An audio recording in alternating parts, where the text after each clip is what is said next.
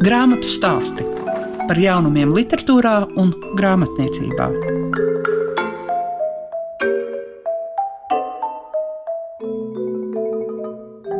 Apzināties sevi kā savas tautas, savas zemes daļu, to mēs it sevišķi darām šajā laikā, ko saucam gan par patriotu nedēļu, gan par valsts dzimšanas dienas nedēļu, par svētku nedēļu.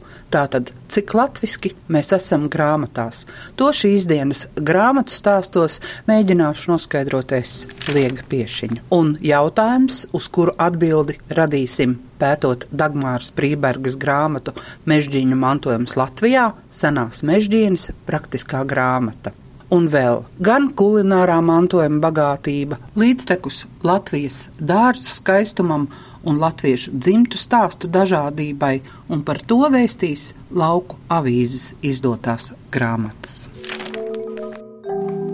Tā vien šķiet, ka Dagmāra Prīberga ir tā, kas visvairāk un vislabāk pārzina mežģīnas Latvijā. Gan tās ir senās, gan tagad topošās, jo nu jau ir iznākusi ceturtā grāmata, kas ir saistīta ar mežģīnēm. Tā savulaik iznāca senās mežģīnas Latvijā, tad vēl arī šūto mežģīņu tehnoloģiju un lietošanas tradīcijas Latvijā no 17. gadsimta līdz mūsdienām, un vēlāk arī Latvijā no 17. 17. gadsimta līdz mūsdienām lietoto un darināto mežģīņu kolekciju un paraugu klasifikācijas sistēmas izveide. Tā kā teorija un praksa šeit kopā ir savijusies, un šobrīd pie lasītājiem ir nonākusi arī grāmata Mežģīņu mantojums Latvijā, un aplūkojot šo ļoti apjomīgo un interesanto grāmatu, man ir pilnīgi skaidrs, ka vismaz kaut kas ar rokām ir jāprot darīt, lai varētu šo grāmatu pētīt un lai varētu arī pats ko praktiski darīt. Un tā taču ir Dagmāra, ka tomēr zināmām iemaņām ir jābūt un nevar tā iedomāties, nu es te tagad radīšu mežģīnas. Protams, pats galvenais, kāpēc vispār šīs jomas pētīšana aizsākās, bija tas, ka tieši interesēja tās mežģīnas, kuras lietoja un darināja Latvijas teritorijā. Un, kad sākās šis pētniecības darbs, tad izrādās, ka tas nemaz nebija tik vienkārši, jo pastāvēja ļoti liela diference, teiksim, apģērba kultūrā starp augstāko sabiedrību un tautu. Pastāvēja ļoti daudz politiski, sociāli apstākļi, lai tās mežģīnas arī savu dzīvi Latvijā iesāktu vienkārši vienkārši. Bet tieši mani aizrāva tas moments, kad es iestājoties tautas lietišķajā studijā Bārbel, kā dalībnieks, kur jau es tagad 25 gadus pati vadu, darināju Latgals tautas apģērba. Un bija pārsteigta par to, ka nebija kur mežģīnas iemācīties, kas viņas darina, jo mums jau ir ļoti daudz tomēr literatūras par tautas tērpu. Latviju raksti mums ir, un visur šīs mežģīnas ir redzamas. Bet, lai viņas vai iemācītos vai saprastu, kā ir šādas informācijas, nebija nebija un bija grūti. Un tad aizsākās šis ceļš, lai varētu šīs mežģīnas tajā tautas tērpā tiešūt, lai viņas varētu uztaisīt. Nu, nebija tik vienkārši. 1998. gadā es jau biju tik jau satrakojusies, kad uztaisīju jau pirmo mežģīņu izstādi, senās mežģīnas Latvijā, un tad parādījās tāda situācijas izpratne, kas tad ir un kas tad nav, ko mēs protam, ko mēs darām, kas mums ir muzejos, kas mums nav muzejos. Tad es tā mežģīniem arī esmu veltījusi tiešām ļoti daudz gadus. Es arī esmu aizstāvējis savu doktora grādu ar promociju par senajām mežģīnēm un senajām, tāpēc, ka tā ir tāda grupa mežģīņu, kuras darina uz zīmējumu bāzes. Protams, mums vajag arī piegriesni, mēs tamborējam vai adam vai kā citādāk vēl, bet piegriesni. Un arī zināt, kā valdziņas tur jāda vai jātamborē cilpas, bet mežģīnes, kuras izšuj vai mezglo vai pin vai vēl kādā citādākā tehnikas veidā darina, ir jāliek virsū uzzīmējuma un jātaisa pēc tehniskā zīmējuma. Jādarina viņš ir mērogā viens pret viens, un līdz ar to nu, sākās problēmas. Jo šādu zīmējumu nav, tu īsti nezini, kas un kā, nu, tad sākās pamazām, pamazām šis ceļš, un tā es esmu viņam tiešām veltījusi ļoti daudz, bet viena tā lieta par to datu bāzi, kas man ir izstrādāta praktiski un teorētiski, viņa dzīvē vēl nav realizējusies, jo viss prasa ne tik vien darbu, bet arī līdzekļus, un ja tu neesi neesi īpaši bagāts, tad tas ir diezgan sarežģīti, jo katra šī lieta prasa ļoti daudz projektu iesniegšanas. Iepriekšējā grāmata, kas senās mežģīnas Latvijā, ticiet, neticiet, es iesniedzu 17 projektus, lai viņi varētu realizēt, protams, dažādos konkursos. Šai lielajai grāmatai, paldies Dievam, ir drusku mazāk, bet nu neteikšu, ka arī tas ir viegls ceļš. Ja mēs runājam tieši par nemateriālo kultūras mantojumu un mežģīnēm, tad vai ir tā, ka sākās vienkāršākas tās mežģīnas, ar laiku viņas kļūst krāšņākas, jo ja mēs vērojam tieši to, kā ir pasaulē, ja mēs redzam nu, tādus augstdzimušu pārstāvi, tad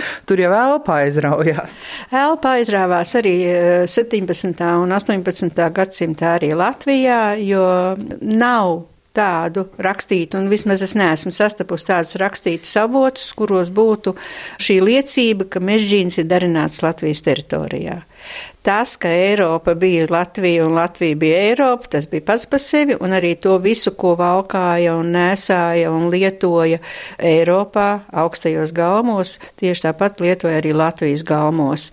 Un līdz ar to ļoti smalks mežģīns mums ir pateicoties Rundāls muzeja krājumiem, kur ir tiešām saglabājušās šīs liecības, tāpat Rīgas vēstures un kuģniecības muzejā un arī Lielajā Nacionālajā vēstures muzejā un muzejos Latvijā.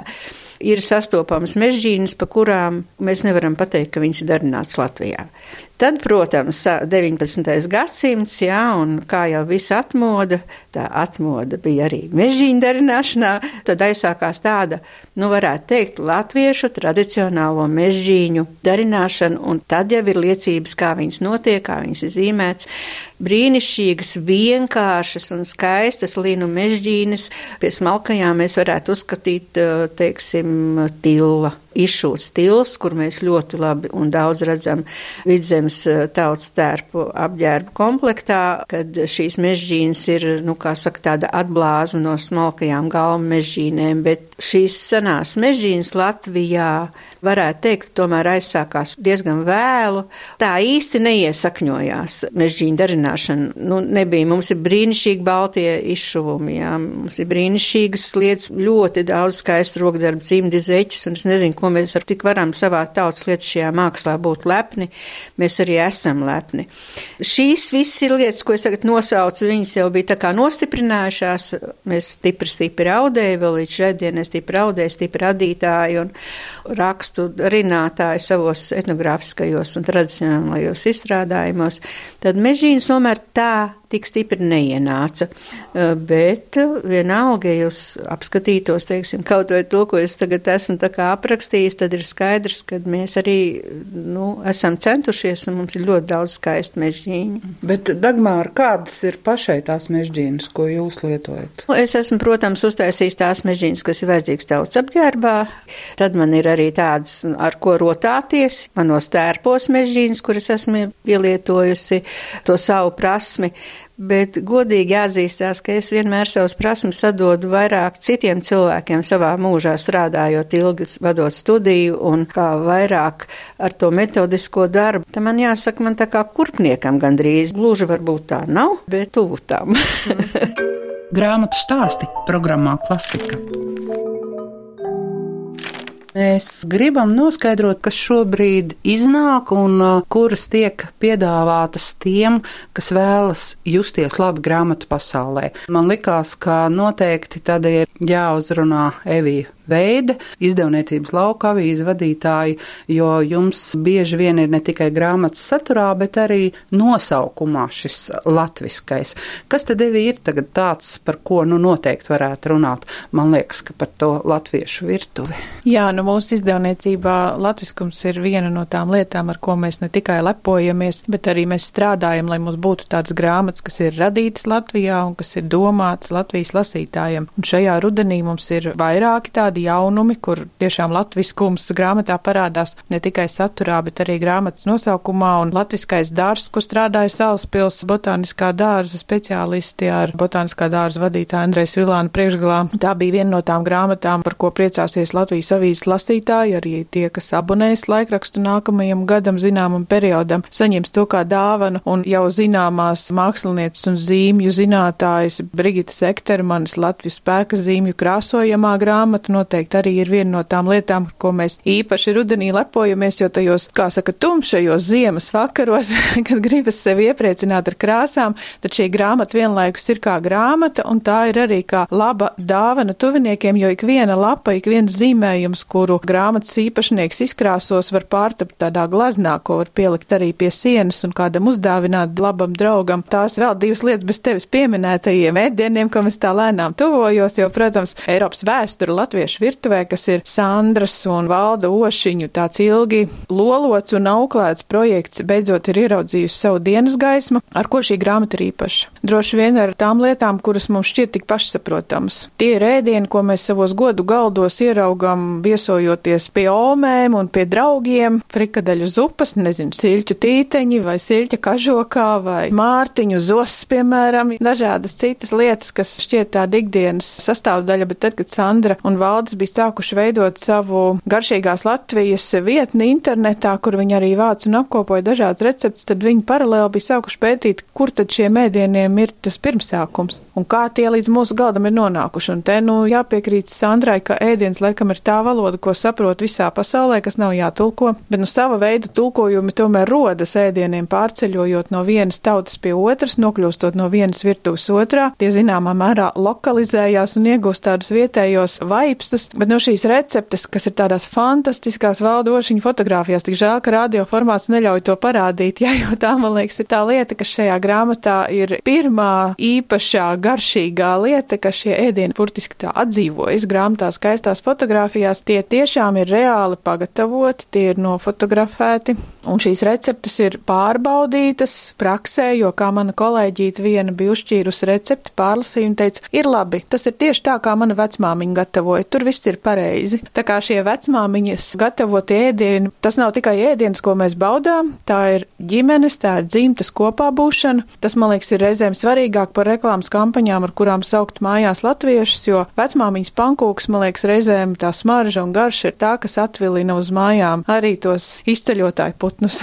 Vai tad arī ar detektīvu starpniecību mēs varam runāt par dzimtu. Dace Judina, protams, ir autore, kuru vispirms ik viens lasītājs, kas ir lasījis kādu no viņas grāmatām, atpazīst kā detektīvu romānu autori. Nu, šoreiz Dace ir izkāpusi no tām detektīvu romānu autoras kurpēm, un mūsu izdevniecībā ir nu pat, nu pat iznākusi grāmata Septiņi vakari, kas ir pirmā grāmata trīs romānu ciklā. No detektīva tādā klasiskā detektīva formātā, kā droši vien ir pieraduši Annas Elizabetes cienītāji, nē, bet grāmata nav zaudējusi rakstniecei piemītošo šarmu un spēju lasītāju uzmanību koncentrēt un noturēt pie šī stāsta, bet stāsts ir arī par to pašu atgriešanos mājās, par dzimtas saknēm, kas savijas ar Latvijas vēsturi, un šī vēsture nav kaut kas tāds, kas eksistē ārpus mums, jo tie daudzie arī 20. gadsimta notikumi, kas ir gājuši pāri Latvijai, mēs viņus atrodam un sastopam paši savās dzimtās, savās ģimenēs, savos cilvēkos, pārdzīvojumos un tajā, ko tie ir atstājuši. Un Dācis grāmata, protams, ir ar šo intrigu, un man jāsaka, ar labām beigām visiem varu rekomendēt lasīt arī šajā svētku laikā, un ne tikai, jo tas, kas mums pašiem reizēm ir vajadzīgs, tas ir atgādinājums un apliecinājums tam, ka tās svarīgās lietas un lietas, kas mūs spēj iedvesmot, uzmundrināt, atrodas tepat mums apkārt.